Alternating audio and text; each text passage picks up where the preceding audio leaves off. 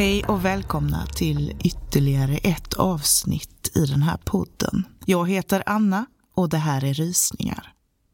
Materialet i detta avsnitt är från en äldre video på min Youtube-kanal som nu riggar om till podd. Denna första poddsäsong kommer att bestå av gammalt material från kanalen. För att efter ett uppehåll i januari komma med lite nytt material i säsong två. Följ gärna den här podden och följ mig gärna på både min Youtube-kanal och eh, på Instagram där jag heter just Rysningar. Vi börjar närma oss Halloween och det är utan tvekan den mest rysliga tiden på året. Och varför då inte ta oss en närmare titt på faktiska brott och hemskheter som begåtts i anknytning till just Halloween? Det blir inga väsen och myter i detta avsnitt utan kommer att bestå av mördare, offer, tragiska händelser och brott. Har du ont av att lyssna på true crime, självmord och barn som far illa så ber jag dig hoppa över detta avsnitt då jag kommer att beröra dessa ämnen i tio fall av sann halloweenskräck.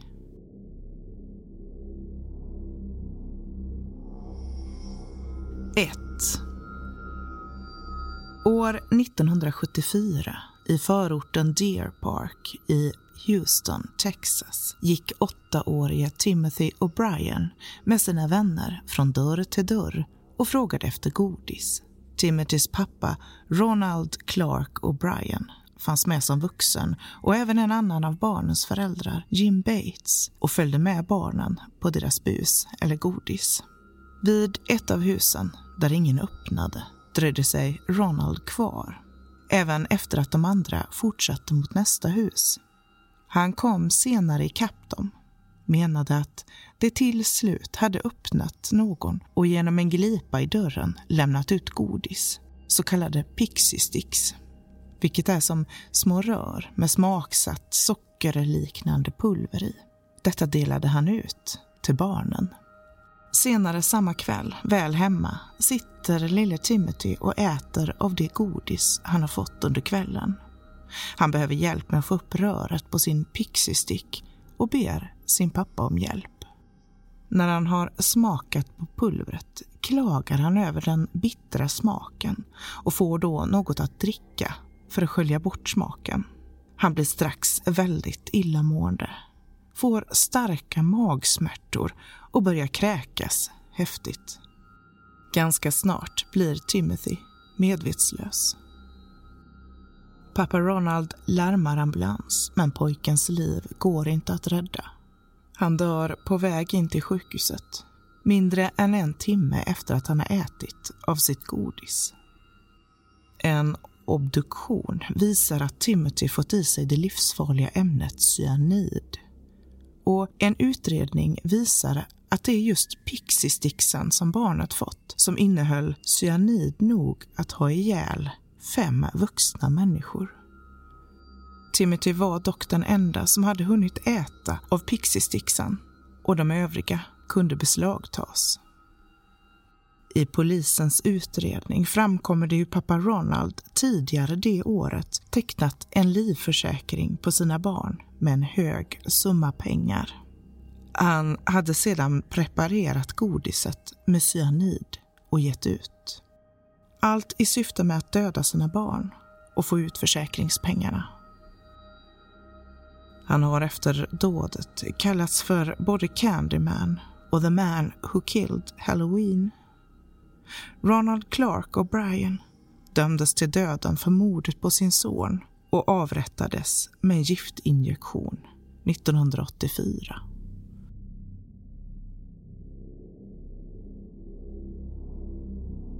Två.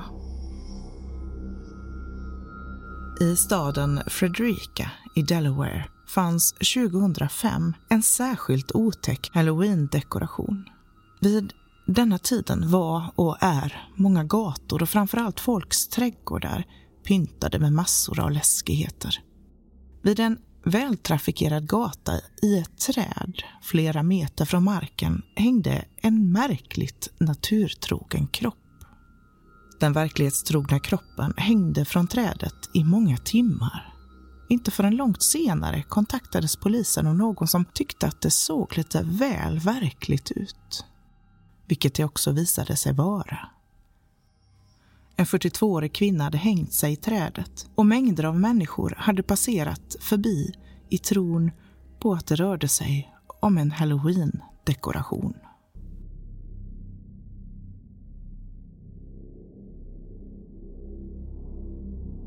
Tre. 16-åriga Yoshihiro Hattori och Webb Haymaker var på väg till en fest på Baton Rouge, Louisiana på halloween 1992. När de kom fram till huset där festen skulle vara kom ingen och öppnade när de knackade på. Killarna bestämde sig då för att gå runt huset och se om de kunde bli insläppta på baksidan. Webb hörde hur ett vapen avlossades och ser plötsligt hur hans kompis ramlar ihop. Husägaren hade misstagit de två killarna för inbrottstjuvar och sköt mot dem. Killarna hade gått till fel adress. De hade knackat på vid fel hus. En kula träffade Yoshihiro och han avled på platsen.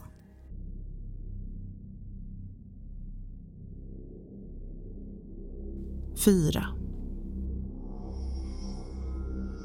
Från sitt hem hade under halloweenkvällen 2004 i Napa, Kalifornien vännerna Adriana, Laureen och Leslie delat ut godis till de som hade knackat på dörren. När godissugna dörrknackare slutat komma hade vännerna gått och lagt sig och somnat. Under natten vaknade Loreen upp till fruktansvärda, blodisande skrik. Hon rusade då upp för trapporna som hon behövde ta sig upp för, för att titta till sina väninnor. Men stannade då hon plötsligt hörde tunga fotsteg komma emot henne. Laureen tog sig ut via bakdörren och gömde sig i trädgården tills hon hörde att någon klättrade ut genom ett källarfönster och sprang från huset. Hon återvände då in till huset och hittade sina två väninnor svårt skadade med flertalet knivhugg, badandes i blod. Båda kvinnorna kom att dö av sina skador. Loreen hade inte sett mördaren, men i utredningen som följde fann man dels cigarettfimpar med DNA i trädgården samt blod i huset som inte tillhörde någon av kvinnorna. Blod från mördaren. Loreen överlevde tack vare att hon gömde sig. Mördaren verkade känna till huset och visste hur många som befann sig där inne. Polisen hade svårt att komma någonstans med utredningen. Trots DNA från blod och fimpar. Det fanns inget att jämföra med i registren. Ingen som de topsade matchade heller vad de hade funnit på mordplatsen. Det stod still i ungefär ett år. Tills den dagen då mördaren själv steg in på polishuset och erkände. Eric Couple hade tagit sig in i huset för att mörda Adriana hans frus bästa väninna. När han attackerat Adriana hade Leslie vaknat och sprungit för att försvara sin vän. Båda knivhöggs till döds. Man har aldrig blivit helt klar över motivet till morden. Men ett möjligt motiv som har diskuterats skulle vara att Eric var svartsjuk på sin frus och Adrianas vänskapsrelation.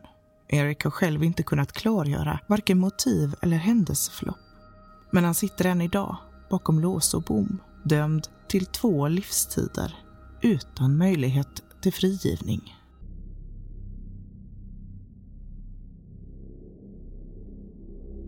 Fem.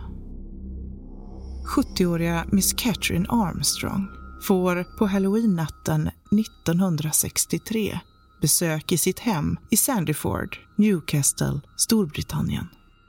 Troligtvis öppnar Catherine dörren för sitt besök eftersom det inte finns några tecken på att dörren skulle ha försökt öppnas med våld.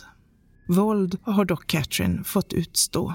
Inte mindre än 28 gånger har hon blivit knivhuggen, mestadels i och omkring huvudet. Men även händer och underarmar har skador, vilket skvallrar om att hon har hållit upp sina armar i försök att skydda sig. Runt halsen har hon även nylonstrumpor lindade. Trots ett stort arbete i sökandet efter mördaren är det fortfarande idag ett olöst fall. Vem och varför mördades Miss Catherine Armstrong?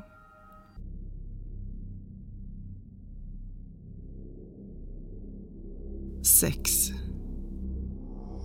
Lisa Ann French var nio år på halloween 1973 då hon utklädd begav sig ut i grannskapet för att gå bus eller godis i Fort du Lac, Wisconsin.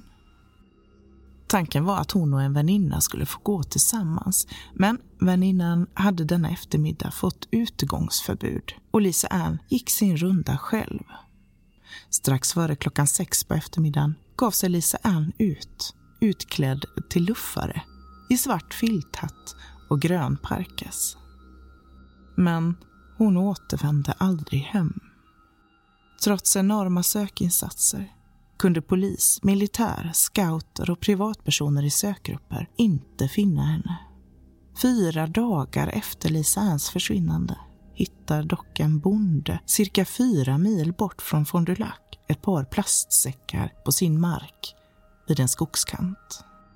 Säckarna visade sig innehålla dels Lisa Anns kläder och tillhörigheter från dagen när hon försvann och i den andra fanns Lisa Anns nakna och döda kropp.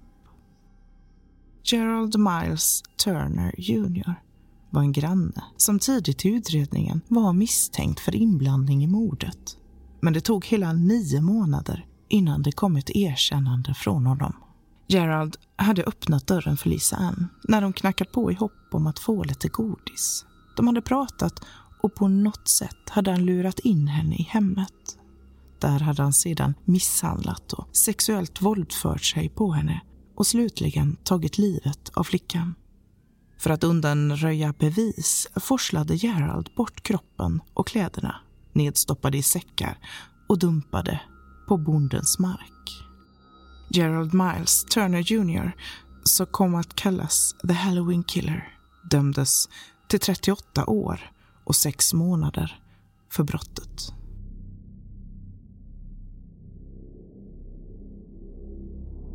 Sju. Halloween 1994 tillsammans med sin stora syster, mamma och moster gick den sjuåriga pojken Tony Bagley utklädd till skelett för bus eller godis i norra Las Vegas. Från ingenstans hoppar en man med ansiktet dold under en luva fram och skjuter flertalet skott mot dem.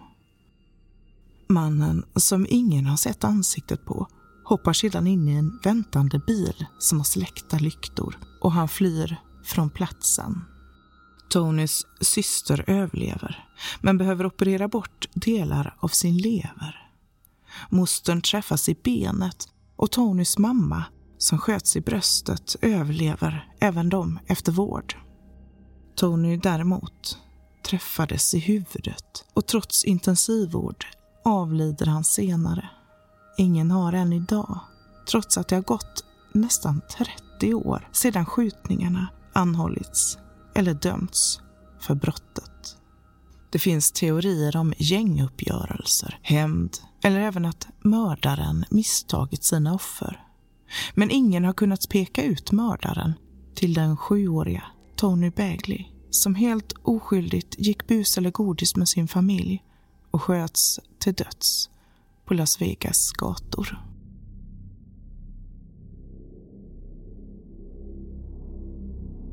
Åtta. 35-åriga Peter Fabiano levde tillsammans med sin fru Betty i Los Angeles. På Halloween 1957 hade Peter och Betty lämnat ut godis till utklädda barn. Så när det sent på kvällen återigen knackade på dörren gick Peter, något irriterad på grund av den sena timmen, för att öppna. Med orden “lite väl sent för detta väl?”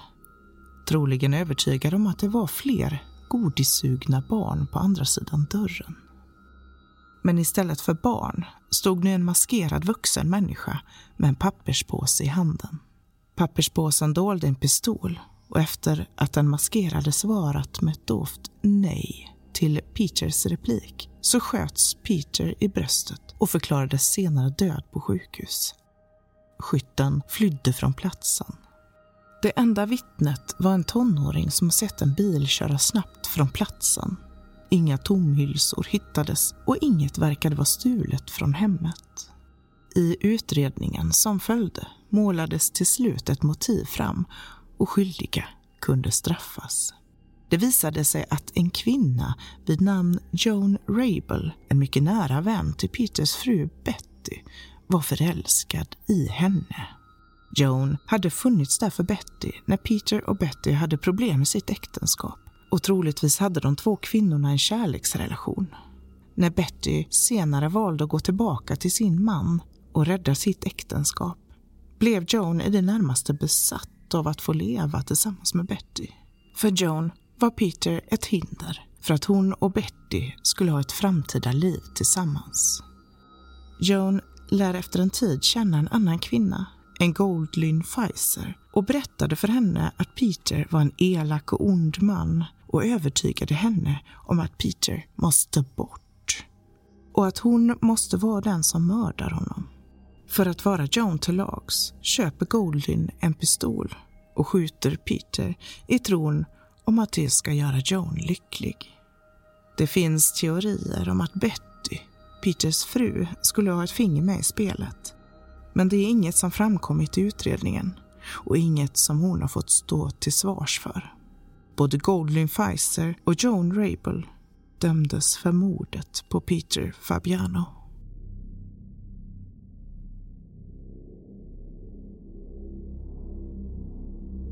Nio 69-åriga Marvin Brandland och hans fru Ethel hade just vinkat hejdå till sitt barnbarn Theresa kvällen den 30 oktober 1982 i Webster County, Iowa. De trodde att de flesta barn på godisjakt hade gett upp för kvällen när det en sista gång knackade på dörren. När Ethel öppnade dörren står där en vuxen maskerad man. Över huvudet bar han ett örngott med hål uppklippta för ögonen. Och han säger bus eller godis. Ge mig era pengar annars skjuter jag. Itel, som trodde att det hela var på skoj försökte dra av mannen örngottet. Men mannen höll det nere. Itel vände då in till huset för att hämta godis att ge. Fortfarande säker på att det hela bara var ett skämt. Varpå mannen följer efter henne in i huset och innan Itel inser vad det är som händer hade hon en pistol riktad mot sig. Den maskerade mannen krävde att de skulle gå ner i källaren och ta honom till kassaskåpet. Det underliga i detta är att paret inte var särskilt rika och få visste om att det ens fanns ett kassaskåp i källaren där en inte alltför stor summa pengar av besparingar fanns. Endast de närmaste familjemedlemmarna kände till kassaskåpet. Mannen tvingar paret in i köket på väg mot källaren. Men där får Marvin nog. Han vägrar att fortsätta med dessa dumheter då han fortfarande inte tror att rånet är på riktigt och att den maskerade mannen är någon de känner. Marvin greppar efter mannens pistol som då avlossar ett skott. Marvin blir träffad i halsen. I kaoset som uppstår, med blod som forsar ut ur Marvins hals, drar den maskerade mannen av sig örngottet och kastar det i köket. Sedan flyr han bort från platsen. Marvin förs till sjukhus, men dör på operationsbordet. Hans fru Ethel, som tog hårt vid sig vid denna hemska upplevelse, följde honom in i döden inte långt efter. Enligt deras dotter så brukar de säga att hon dog av brustet hjärta då hon inte ville leva utan sin Marvin. Ethel hann dock att ge en bra beskrivning av den man som hade försökt rånat och även mördat hennes make. I det korta ögonblick då mannen kastat av sig örngottet innan han tog till flykten. Mannen ska ha varit blond, blåögd, en ung man mellan 16 och 20 år och runt 170 lång. Och denna beskrivning passade väl in på en person som var bekant till familjen. En person som flera i familjen trodde var skyldig. Men trots att polisen nu fick ett namn på en person så fanns det inte tillräckligt för att gripa honom. Med den tidens DNA-teknik fick man heller inte fram tillräckligt med spår på örngottet. Utredande polis menade att man inte ville gripa någon utan att vara säker på att bevis skulle hålla i en rättegång. Låt oss hoppas att spår har sparats och än en gång kan testas för DNA med modernare teknik. Att rätt man får stå till svars för sitt brott och familjen kan få ett svar.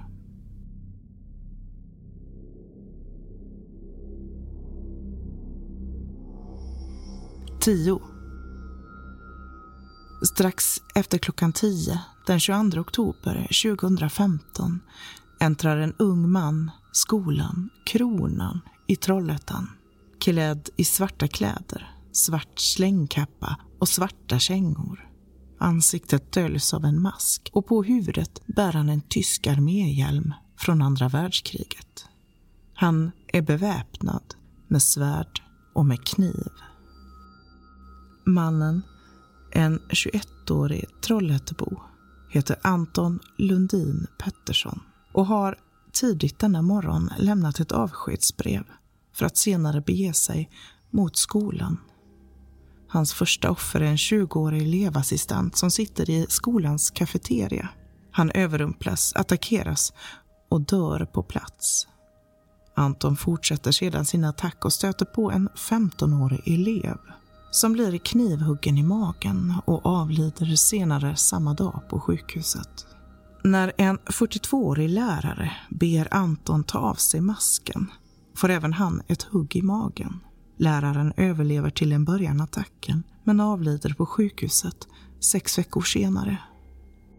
Nästa offer, även detta en elev, öppnar dörren till ett klassrum där Anton knackar på.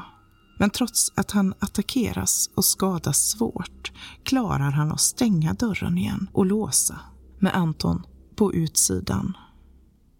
I cirka tio minuter vandrar Anton Lundin Pettersson runt på skolan för att söka efter offer med hög musik i öronen. På skolans övervåning träffar han på två elever som tillsammans med honom tar en selfie. Dessa elever har ingen aning om hemskheterna som just har eller ska utspela sig. De tror att Anton har klätt ut sig som en kul grej för stundande halloween. Flera elever ser Anton utan att förstå vilken fara de befinner sig i. När polisen anländer till skolan väljer Anton att gå med höjt svärd mot dem. Två poliser avlossar skott samtidigt och Anton Lundin Pettersson avlider på platsen. Snälla ni, var försiktiga när det knackar på dörren. Tänk efter innan ni stoppar godis i munnen. Och gå inte ensamma. Var inte säker på att den där utklädda människan har vänlighet i sinnet. Och kanske ta er en extra titt på ruskiga halloween-dekorationer. Tack för att ni har lyssnat. Jag återkommer nästa söndag. Tills dess, ta hand om er.